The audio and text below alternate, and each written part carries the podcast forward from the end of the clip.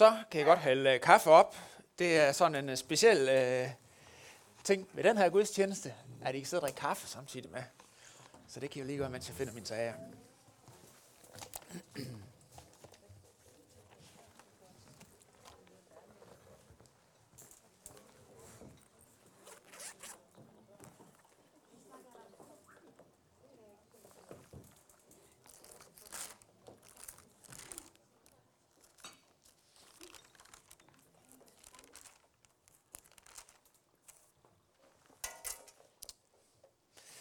Prædiketeksten, som Allan læste op øh, under lovsangen, er om det her med Jesus og de små børn. Og øh, de fleste af os har nok hørt den øh, nogle gange, men jeg tænker, hvis man ikke havde hørt den før, og så lyttede til den for første gang, så noget af det, som ville falde mig virkelig meget for brystet, det var det her med, at han var nødt til at påbyde disciplene og lade de små børn komme til ham og ikke aktivt gå ind og hindre dem i det. Hvad sker der for det? Er det ikke indløsende? Altså, hvad, hvad, hvad forventer vi af Jesu disciple? At de hindrer små børn at komme til ham? Altså, jeg tænker, hvis det var første gang, man læste den her tekst, så man tænke, hvad skete der lige for den hjerneblødning der? Men det var, det var, øh, det var nødvendigt at sige. Problemet var ikke, at disciplene ikke var optaget af Jesus. De synes faktisk, at han var helt fantastisk. Og problemet var heller ikke, at de ikke syntes, han havde noget super vigtigt at byde på. De havde simpelthen lagt mange ting til side i deres liv for at kunne være sammen med ham. Men problemet var, at de tænkte, at det drejede sig om dem som endestationen for Guds rige. Vi skal dele det her, yes.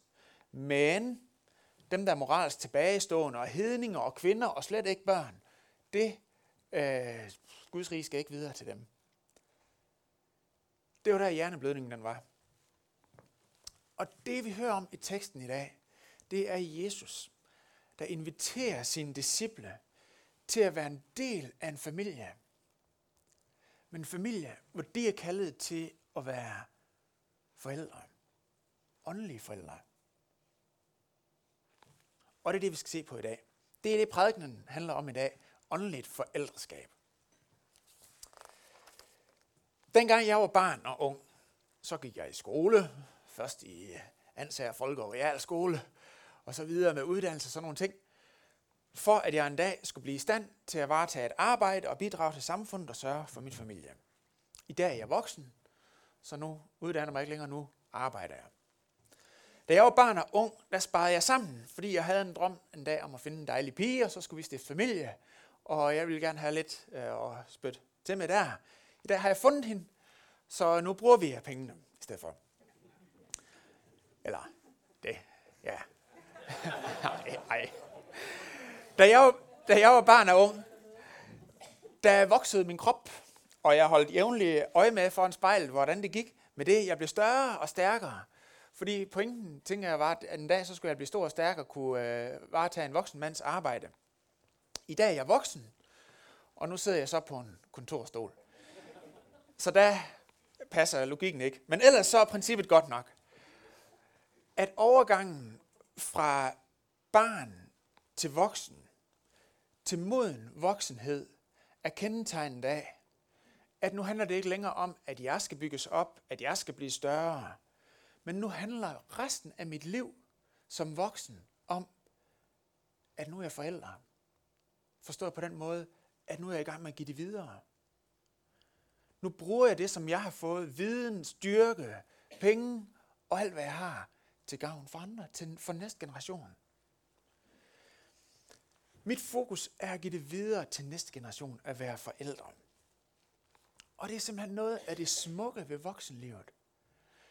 Altså, der er sådan en, øh, unge, en lidt nærmest krampagtig ungdomsfokus. Man skal blive ved med at være ung. Og, men jeg tror simpelthen, hvis, og det kan som også være fint nok, men det her med, hvis vi, hvis vi misser den her pointe af, at noget af det smukke, noget af det rige ved voksenlivet er, nu handler det ikke længere om mig. Nu kan jeg få lov til at leve for nogle andre. Så går vi simpelthen glip af en tilfredsstillelse og en dybde, som ligger i det at være menneske generelt. Og det, som gælder i menneskelivet i almindelighed, det gælder i særdeleshed i kristenlivet. Og det her med åndeligt forældreskab, det er ikke noget, der er forbeholdt os med hjemmeboende børn. Det er også for unge, det er også for gamle, det er også for singler, det er også for barnløse, det er også for empty nesters, som er det her udtryk, som er sat til dem, hvor redden er blevet tom, fordi børnene er flyttet hjemmefra empty nesters. I Guds familie, der kan vi være forældre hele livet. Og det kendetegner simpelthen et modent kristenliv. At man er åndelig forældre. Godt. Hvordan ser det så ud? Og der har jeg fundet et skønt citat af Luther fra et øh, skrift, der hedder Deutsche Messe fra 1526, hvor han skriver sådan her om en kirkeordning, som de har lavet, og som var ret populær. Men allermest har man den, altså kirkeordenen, for helt almindelige menneskers og for de unges skyld, som dagligt skal og må øves og opdrages i skriften og Guds ord, så de kan blive fortrolige med Bibelen og lære at anvende og kende den godt, så de kan forsvare deres tro og med tiden lære andre og sådan hjælpe til at forøge Kristi rige. Når Luther han taler om, hvordan, hvorfor man skal have en kirkeordning, så taler han om for helt almindelige menneskers skyld og for børn og de unges skyld. Det der med åndelig forældreskab, det er ikke noget nyt og smart, som jeg fandt på øh, for til forberedelse af søndens prædiken. Det snakker Luther også om. Det er pointen med at være kirke. Og selvfølgelig, det svar, der ligger lige til højre ben i vores sammenhæng, det er jo øh, minikirker, børnekirker, Rock Solid og Sunday Business og Explore og ungdomsgruppen. Der er faktisk rigtig meget arbejde i vores sammenhæng, hvor vi allerede prioriterer den næste generation og investerer massivt i det. Hvor det med åndeligt forældreskab allerede har slået råd i hjerterne om den måde, vi arbejder på, og i rigtig meget af det, som mange af jer er engageret i. Men selvfølgelig det, der ligger lige for, er jo vores, øh, os, der har hjemmeboende børn, der bor derhjemme.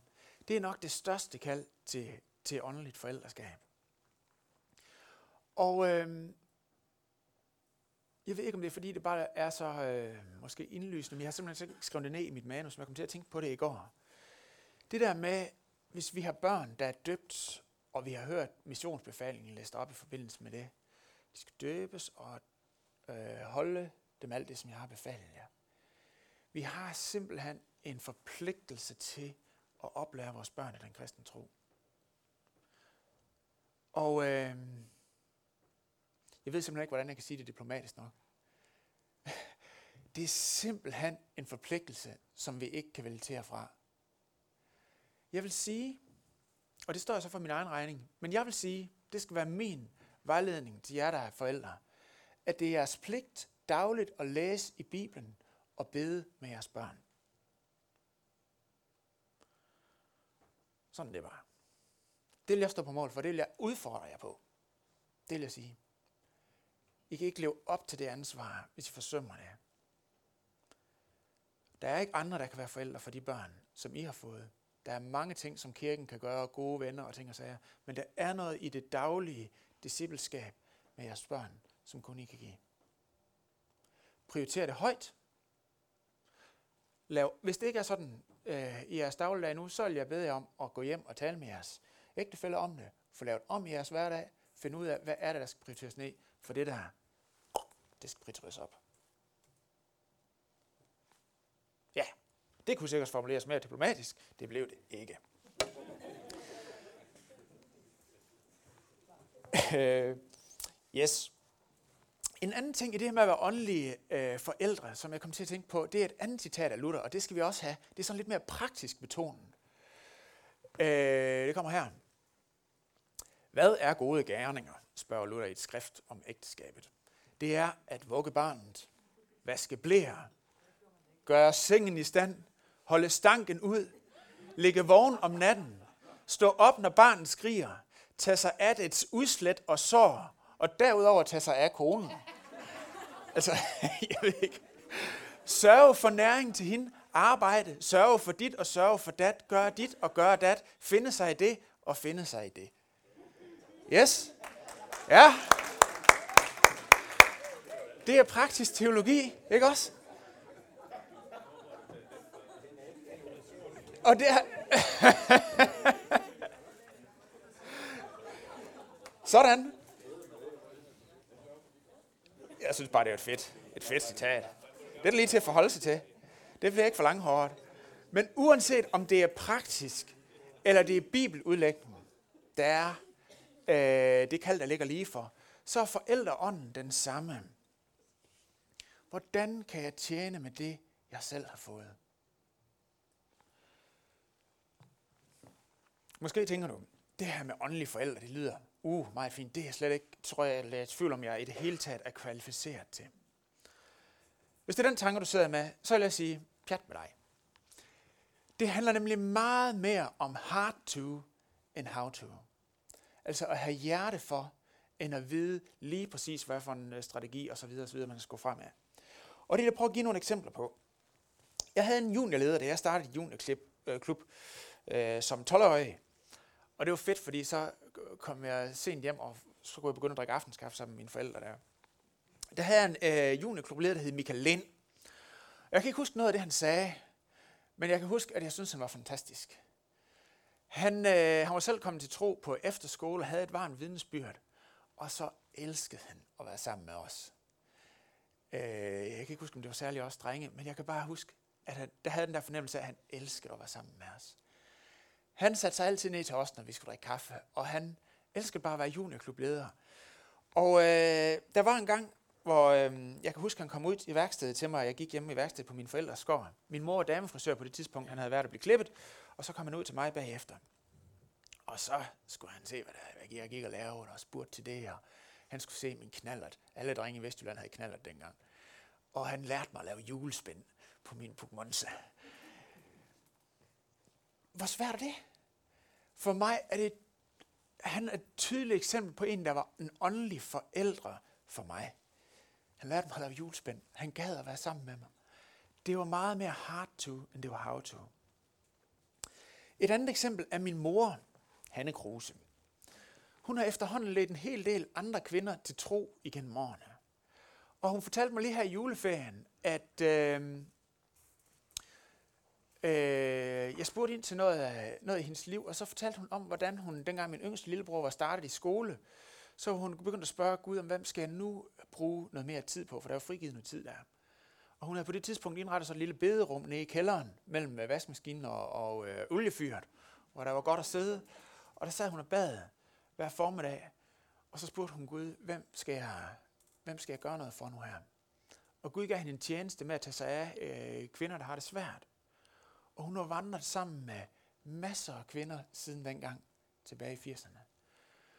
Og hun har mødt dem på underlige måder, folk der er kommet ind i den genbrugsbutik, hvor hun er frivillig, eller hun fortalte mig om her i julen også en gang, hvor hun i lang tid havde bedt Gud om, hvem det nu var. Så en gang hun kørte i bil ned i Ansag, som er den landsby, de bor i. Så gik der hende på gaden, så sagde Gud, det er hende. Nå, så måtte hun stoppe bilen, og så gav hun ud og sagde hej. Og øh, min mor er meget sød og selskabelig og sådan noget der. Og så på en eller anden måde, så blev de veninder.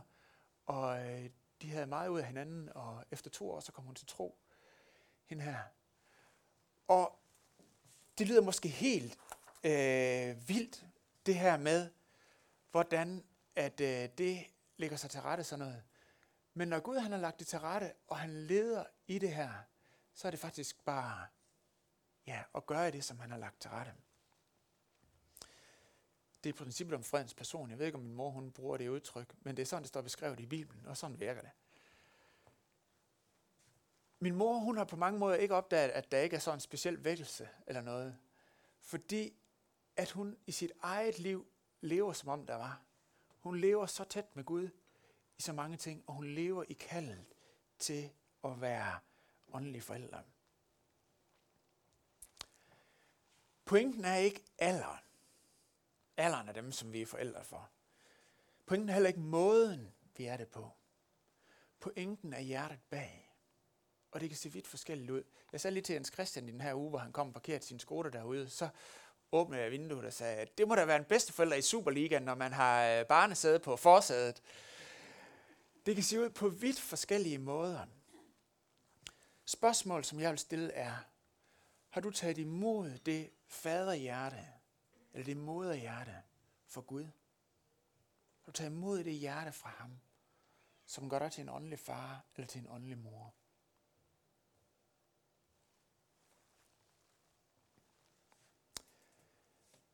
Hvem er det, du vil efterlade en arv til?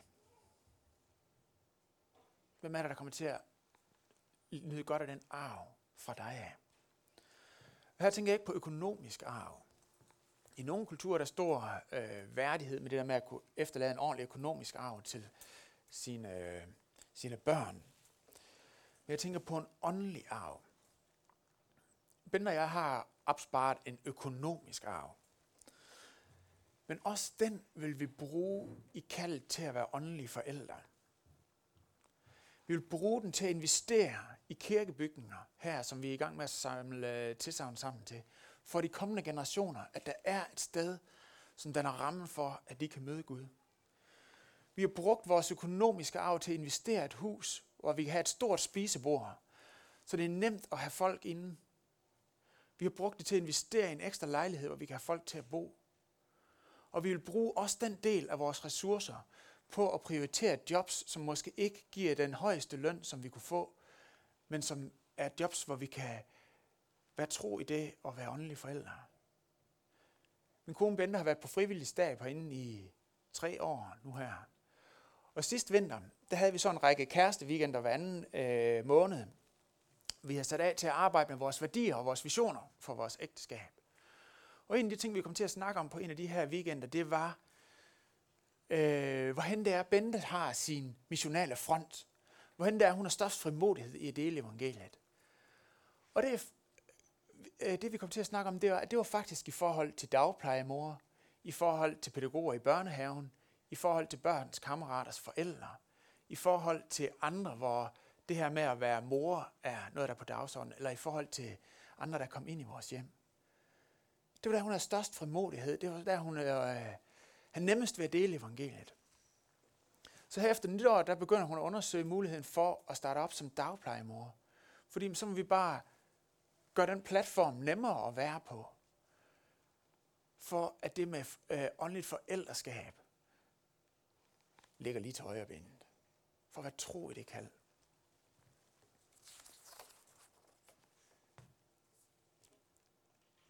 Åndeligt forældreskab kan se ud på mange måder. Hvad har Gud lagt til rette for dig og lagt på dit hjerte? Er det forældre i forhold til nydanskere? Kan du lave julespand på en knallert?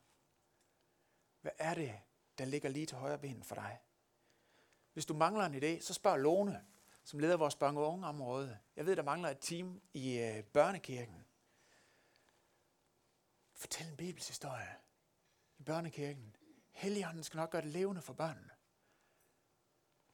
Det er fantastisk det med at se en voksen, for hvem det betyder noget.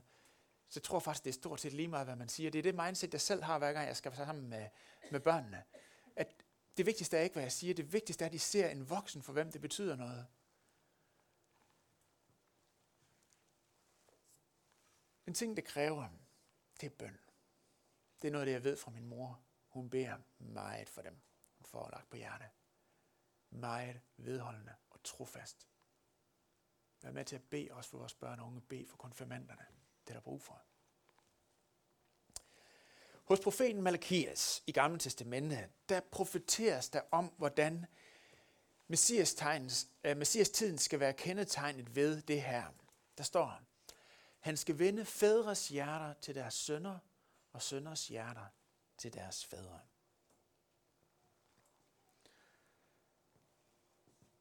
Kære voksne venner, den profeti ser faktisk sin opfyldelse i vores tid på en måde, som jeg ved ikke, øh, på en, på en bemærkelsesværdig måde. Sønders hjerter er i dag vendt til deres fædre.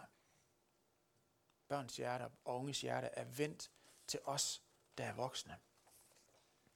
Den generation, der er børn og unge i dag, dem som sociologerne kalder generation Z, efterspørger voksne, der gider at være rollemodeller. Det er ikke sådan, at unge siger i dag, som de måske gjorde dengang vi var unge, eller da I var unge, eller et eller andet, at gamle, det er sådan nogle, de forstår ingenting, de er bare oldnordiske, eller mange børn og unge vil gerne høre din erfaring, vil gerne have din opmærksomhed. Der er simpelthen noget i kulturen, hvor, hvor sønders hjerte er vendt mod deres fædre. Sibjørn, som sidder her, fortalte mig den anden dag, da vi snakkede sammen, om at han havde mødtes med de kommende elever på det gymnasium, som han skal til København og starte nu her, og spurgte om, hvad skal kendetegne en god gymnasielærer. Og de sagde ikke meget overraskende, at han var fagligt dygtig og dygtig underviser, men det tredje var, at det skulle være gode medvandrere. Gode medvandrere. Unge gymnasieelever i dag efterspørger nærværende voksne, der er interesseret i dem.